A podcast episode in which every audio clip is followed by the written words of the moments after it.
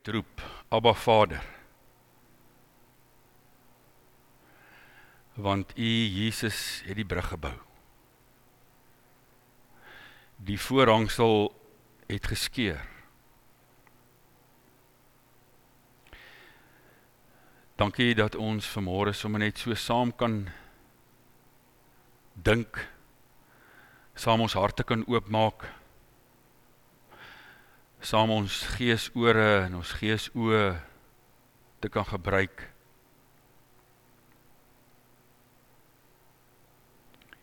En weet jy hier. Word verheerlik in ons saam wees vanmôre in die naam van Jesus. Amen. Ek het vanmôre 'n stil lewe skildery hier in my hande. Ek neem aan julle weet wat dit is. En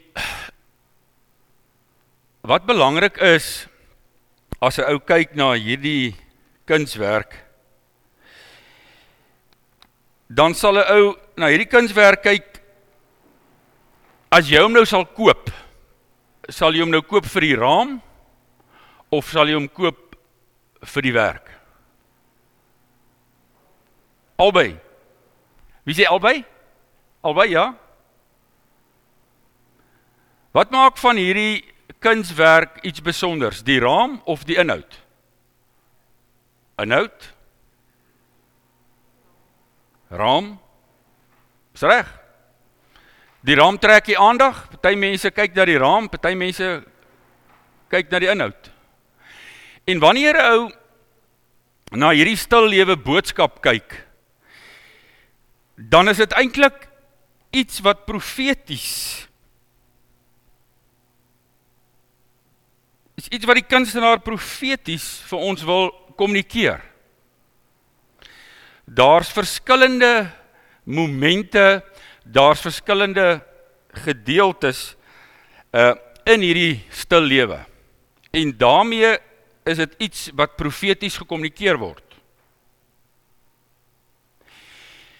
En as ons vanmôre ek sal so van tyd tot tyd die skildery gebruik as ons vanmôre met die tema werk jou offer kwalifiseer jou. Die offer van jou lewe kwalifiseer jou. Gaan kyk ou na die raamwerk in terme van die van die skildery. Gaan kyk jy na die raamwerk van waar ons vanmôre gaan lees uit Maleagi en Lukas dat die die raamwerk is nie die inhoud van die skildery nie.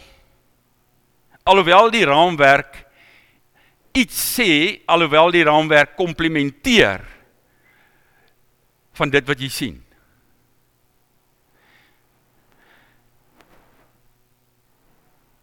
Wanneer ons kyk na Maleagi en Lukas, dan lees ons en ek Kom ons lees Lukas Lukas 1. Kom ons blaai na Lukas 1 toe.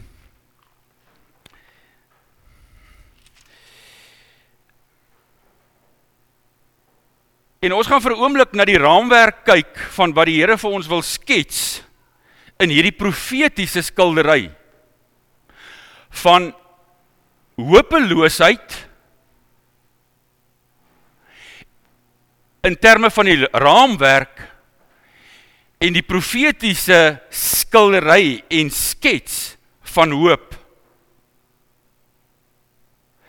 Julle is reg. Die twee komplementeer mekaar. Die een kan nie sonder die ander nie. Ons vind onsself in Lukas 1 waar Sagaria tempeldiens doen die lot het eh, die lot het op hom geval en hy's in die allerheiligste en daar gebeur iets met hom. 'n Engel verskyn aan hom.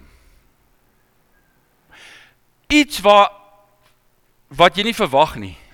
Hierdie man is besig om eenvoudig net die volk se sondes en dit waarvoor hulle eenmal 'n jaar in die allerheiligste in te kom inkom voor voor die altaar te sit en hier gebeur iets. Die engel sê vir Sagaria in vers 13 en kom ons lees van vers 12. En toe Sagaria hom sien, dis nou die engel, was hy ontsteld en vrees het hom oorval. Ek lees in die 53 vertaling. Maar die engel sê vir hom: Moenie vrees nie Sagaria, want jou gebed is verhoor en jou vrou Elisabet sal vir jou 'n seun baar en jy moet hom Johannes noem. En hy sal blydskap en verheuging vir jou wees en baie sal oor sy geboorte bly wees, want hy sal groot wees voor die Here. Wyn en sterk drank sal hy nooit drink nie. En hy sal vervul word met die Heilige Gees reeds van die skoot van sy moeder af. En hy sal baie van die kinders van Israel bekeer tot die Here hulle God en hy sal voor hom uitgaan in die gees en die krag van Elia om die harte van die vaders terug te bring tot die kinders en die ongehoorsaames tot die gesindheid van regverdiges om vir die Here 'n toegeruste volk te berei.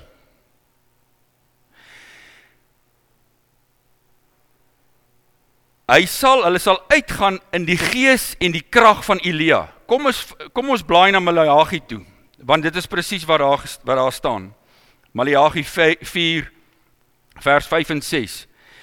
Kyk, ek stuur vir julle die profeet Elia voordat die groot en vreeslike dag van die Here aanbreek. En hy sal die harte van die vaders terugbring tot die kinders en die hart van die kinders tot hulle vaders sodat ek nie hoef te kom en die land met die banvloek tref nie. So kom ek vat julle in hierdie raamwerk vir 'n oomblik terug na die Maleagi boodskap toe. Wat het gebeur in die tyd van Maleagi? Die volk het uh na 70 jaar se ballingskap het hulle teruggekeer. Hulle was al 100 jaar na hulle ballingskap was hulle terug. Jerusalem se mure is deur Nehemia gebou, maar Die volk en die mense wou nie in Jerusalem bly nie, want hulle was bang. Hulle het eerder in die buitewyke gebly ter wille daarvan dat as hulle aangeval word dat hulle kan vlug. In hierdie tyd van Maleagi en jy kan gerus die vier hoofstukke gaan lees. Was daar 'n klomp goed wat wat eintlik die hele omstandigheid chaoties en in hopeloosheid laat verval het. Die landbougrond in daai tyd was nie bewerk nie. En die bietjie grond wat bewerk was, het nie 'n goeie oes opgelewer nie want daar was pla. Die lewensomstandighede in daai tyd was hard. Kos was skaars. Hulle het nog nie diesel gehad nie, maar dit is omtrent dieselfde effek wat hou het. Dit was moeilik om 'n klomp goed te bedink. Geestelik en sosiaal het die konteks van van Maleagi nie sin gemaak nie. Die die volk het gesê maar ons is 100 jaar terug, ons is 100 jaar na ballingskap, maar dit die ervaring wat ons het, ons hoor nie vir God nie en hy hoor nie vir ons nie. So julle sal sien hulle kom na die tempel toe met 'n ritueel. Hulle kyk wat is die minimum wat hulle kan bring in offers. Hulle bring siek diere, hulle bring blinde diere, hulle bring bring goed wat in God se oë 'n afskie 'n afskie bring. Hulle vra wat is die minimum tyd wat ons moet gebeur wat ons moet gebruik om deur hierdie ritueel, hierdie tempelrituele te gaan. Godsdiens het nie vir hulle sin gemaak nie. Want God was nie daar nie. Dis hulle belewenis.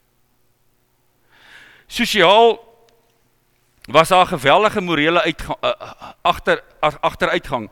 Uh na die ballingskap was daar nie genoeg vrouens in die volk saam met die mans nie en die mans het buite hulle volk, buite hulle kultuur gaan trou.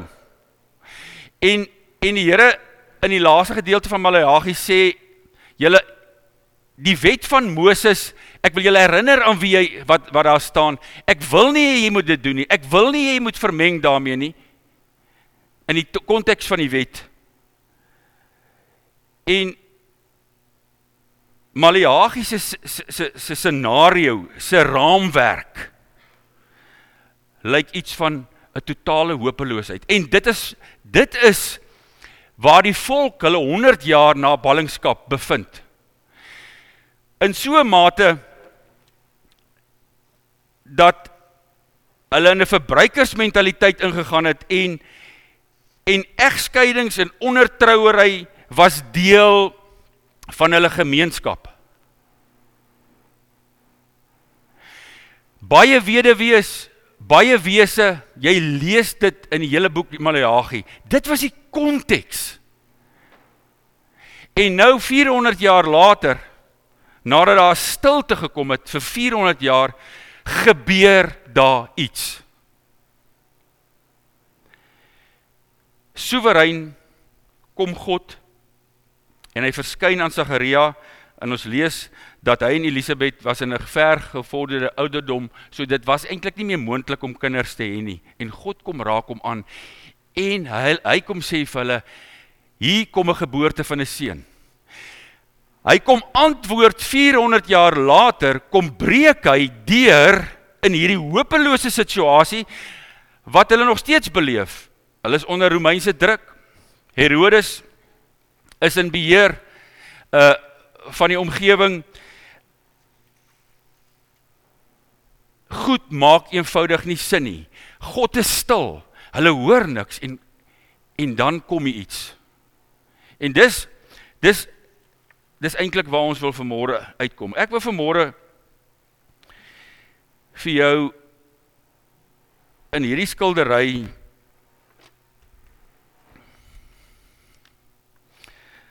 wil ek vir julle die raamwerk gee waarin hoop in gebed is. Baie keer is hoop in gebed in hopeloosheid.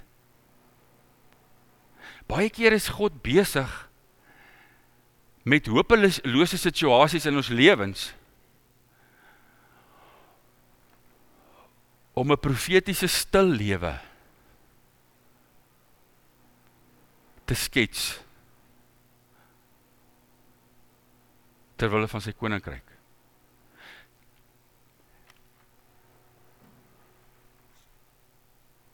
Kom ons gaan kyk gou vir 'n oomblik na Johannes. Wat was sy mandaat? Wat was Johannes die Doper se mandaat? Johannes die Doper se mandaat was soos ons lees om harte van die vaders te versoen met hulle kinders om ongehoorsaames die regte pad te wys met ander woorde om ongehoorsaames weer hoop te gee en dan om die weg te berei om die identiteit te herstel van van 'n volk van mense wat eintlik godloos geleef het. Sy boodskap was bekering van sondes Jy moet vrug dra wat by die bekering pas en hy het ander vermaaninge ook vir die volk gekommunikeer. Dis in Lukas 3. Maar in Johannes was daar lees ons ook was daar 'n vertwyfeling. Die vertwyfeling was toe hy in Lukas 7 die boodskap stuur vir Jesus is die een wat sou kom is u die een wat sou kom of moet ek iemand anders verwag. Johannes die Doper in die konteks van ons skildery, in die konteks van ons raam kom en slaan 'n brug tussen 'n hopelose situasie na 'n punt toe waar hy as brugbouer weer hoop gee. God kom vanuit 'n hopelose situasie en hy kom soewerein en hy kondig Johannes die Doper se se geboorte aan. Die onmoontlike word moontlik.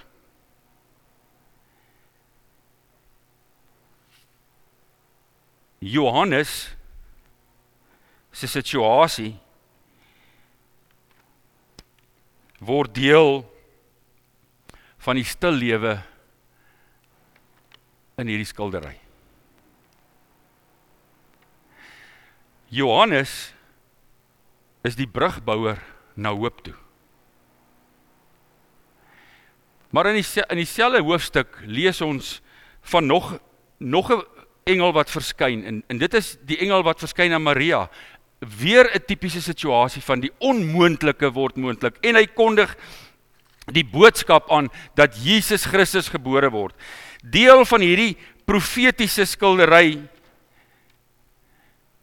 is om Jesus Christus se lewe in te teken. Midde in die omstandighede van waar kinders soos ons gelees het na hulle geboorte tot en met 2 jaar vermoor is. Midde in die omstandighede waar daar 'n verwagting is van wanneer kom hier 'n nuwe ryk? Wanneer word ons verlos van hierdie politieke bestel van die Romeine?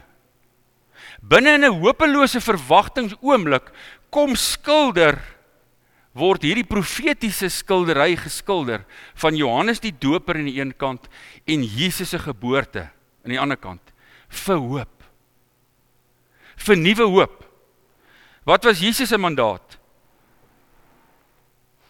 Ons lees in Lukas 1 vers 32, hy sal groot wees en die seun van die Allerhoogste genoem word.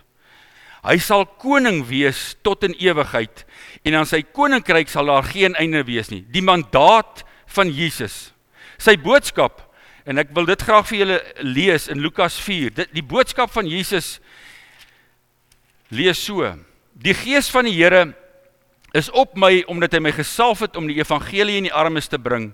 Hy het my gestuur om die die wat verbryseld van harte te genees, om aan die gevangenes vrylating te verkondig en aan die blindes herstel van gesig om die wat gebroke is in vryheid weg te stuur om die aangename jaar van die Here aan te kondig. Die boodskap van Jesus was vervat in Jesaja 61.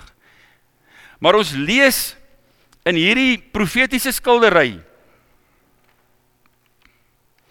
iets van die vertwyfeling ook by Jesus. Toe hy in Lukas 22 vers 41 gesê het: "Vader, as U tog die beker van my af wil wegneem, nogtans nie my wil nie, U wil.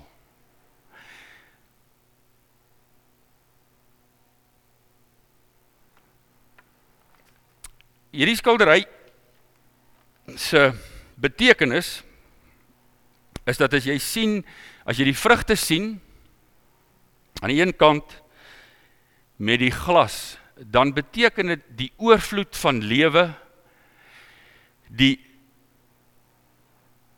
die lewe wat in al sy dimensies oorvloedig is.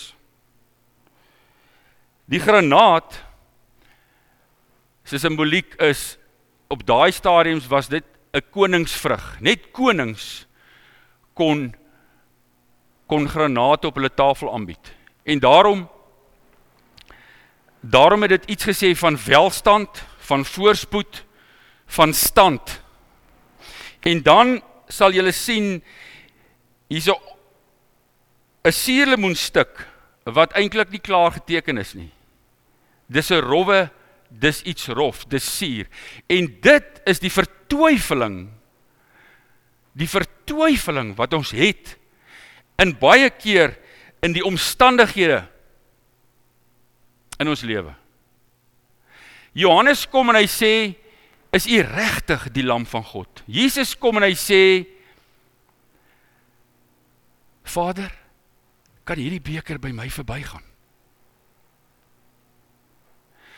Die profetiese skets wat ingebed is in die raam van hopeloosheid van waar ons is en die in die in die inhoud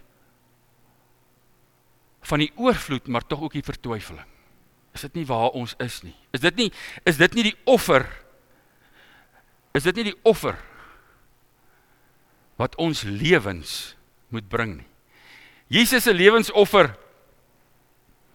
Hy was versoek, hy was verwerp, hy was gespot, hy was geslaan, hy was veroordeel, hy's vermoor. Maar sy lewe, sy effek, sy lewe se se waarde het het 'n nuwe koninkryk aangebring, aangekondig, het 'n stuk nuwe hoop aangekondig. Sy lewe se waarde het gekom dat daar dat daar 'n stuk daar's 'n daar's 'n herstel tussen seun en vader.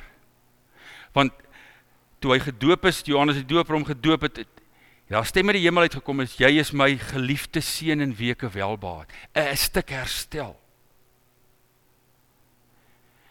Ek en jy loop dikwels met ons eie pyn in 'n wêreld wat omraam is deur onsekerheid deur omstandighede wat wat nie sin maak nie. En dan begin teken die Here jou lewe profeties in hierdie skildery. En deel van hierdie hierdie profetiese skildery is die suurlemoen, die vertwyfeling, die ek wonder, die gaan ek dit maak?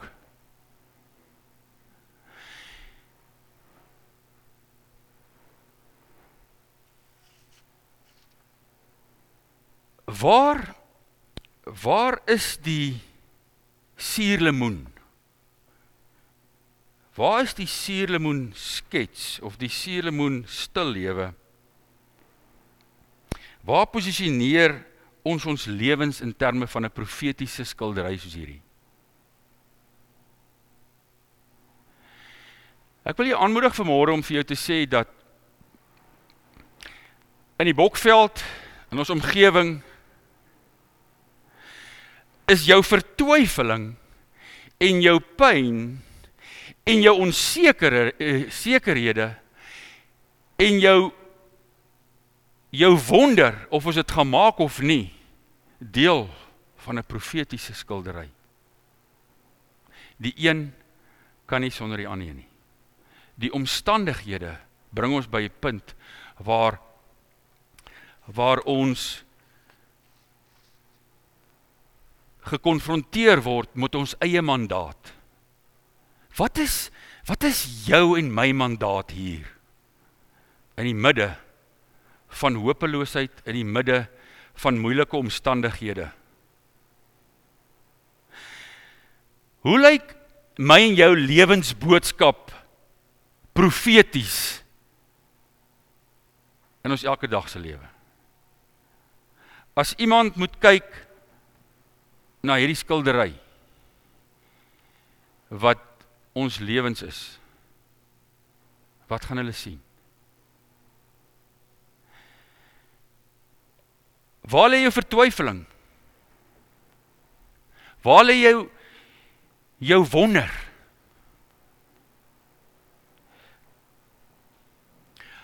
Want dit saam is jou offer. Die een gaan nie sonder die ander nie. Jesus se lyding en dit wat hy vir ons kom doen het. Johannes se offer van om in die woestyn te leef en om onthoof te wees omdat hy die die koning aangevat het oor immoraliteit. Waar lê my en jou goed? Waar lê my en jou jou suurlemoen? Jou lewe van begin tot einde skets iets profeties. En weet julle wat? So baie mal wil ons dit eintlik wegsteek. So baie mal wil ons ons onsekerheid wegsteek. So baie mal wil ons ons pyn wegsteek. So baie mal wil ons ons mislukkings wegsteek.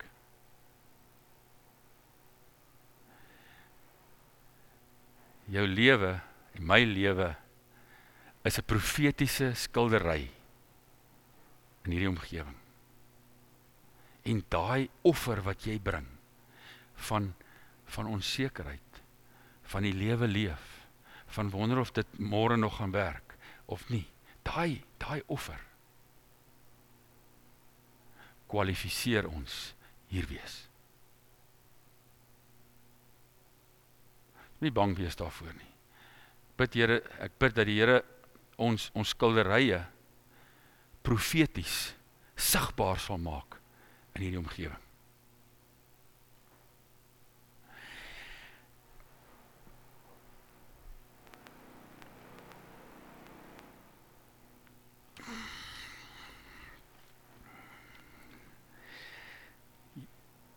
Hierdie skildery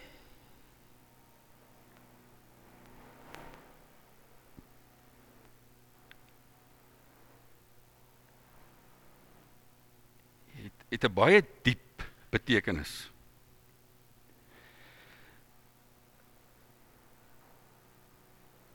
In een van die huiskerke wat ons bedien het.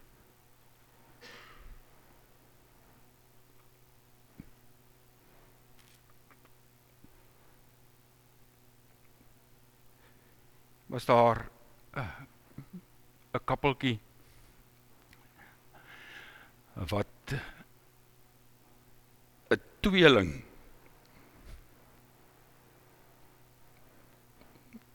verwag het. En die opgewondenheid wat ons saam met hulle geloop het en saam met hulle gedeel het.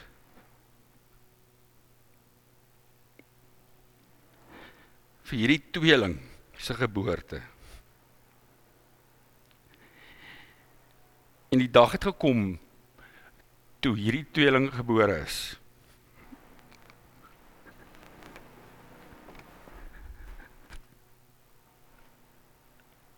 In stilte.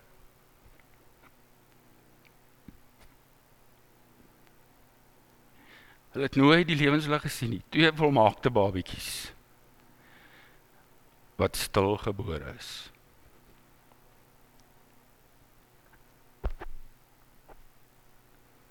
En ek en my vrou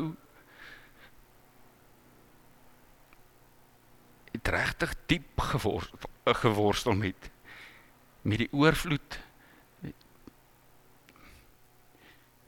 die lewe. En hoe gebeur so iets? Wat se pyn veroorsaak dit in? Met wat se pyn moet hy loop? En toe is hierdie skildery gebore.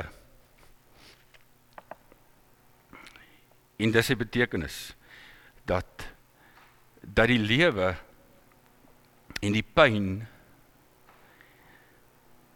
en die onsekerheid van ons lewe sal nooit ophou nie. Sal nooit ophou nie. Want God is besig om met jou lewe en my lewe profeties te skilder sodat 'n verlore gaande mensdom weer hoop kan kry. Myn jou wanhoop is 'n profetiese skildery vir hoop. Vader, dankie dat ons vanmôre weet ons seer kry, ons pyn. Die offer wat ons bring soos Johannes die Doper die offer gebring het en soos u seun Jesus die offer gebring het midde in omstandighede wat absoluut uitgeskreeu het na hopeloosheid sosiale verval immoraliteit korrupsie nie weet van die dag van môre nie En so kan ons aangaan. Midde in dit het u profeties kom skilder dat daar hoop is. Daar's hoop in chaos. Daar's hoop in pyn.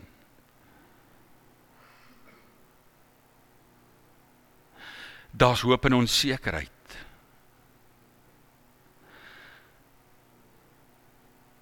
Daar's hoop wanneer niks sin maak nie.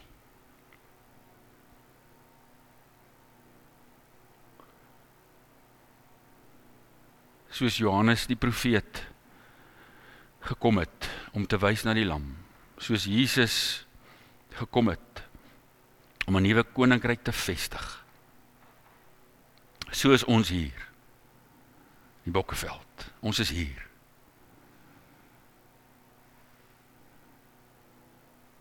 Om met ons lewens as skilderye profeties te leef tussen hoop en wanhoop. Wanhoop en hoop. Wanhoop, hoop hoop en wanhoop. Maar dat ons weet U is besig om die skildery te skets sodat 'n wêreld in nood hoop kan kry. Word verheerlik in hierdie dag in ons lewens in die naam van Jesus. Amen.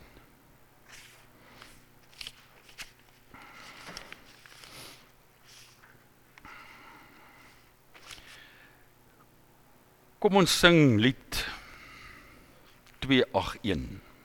Maak tyd om sommer by die Here te hoor wat is jou mandaat?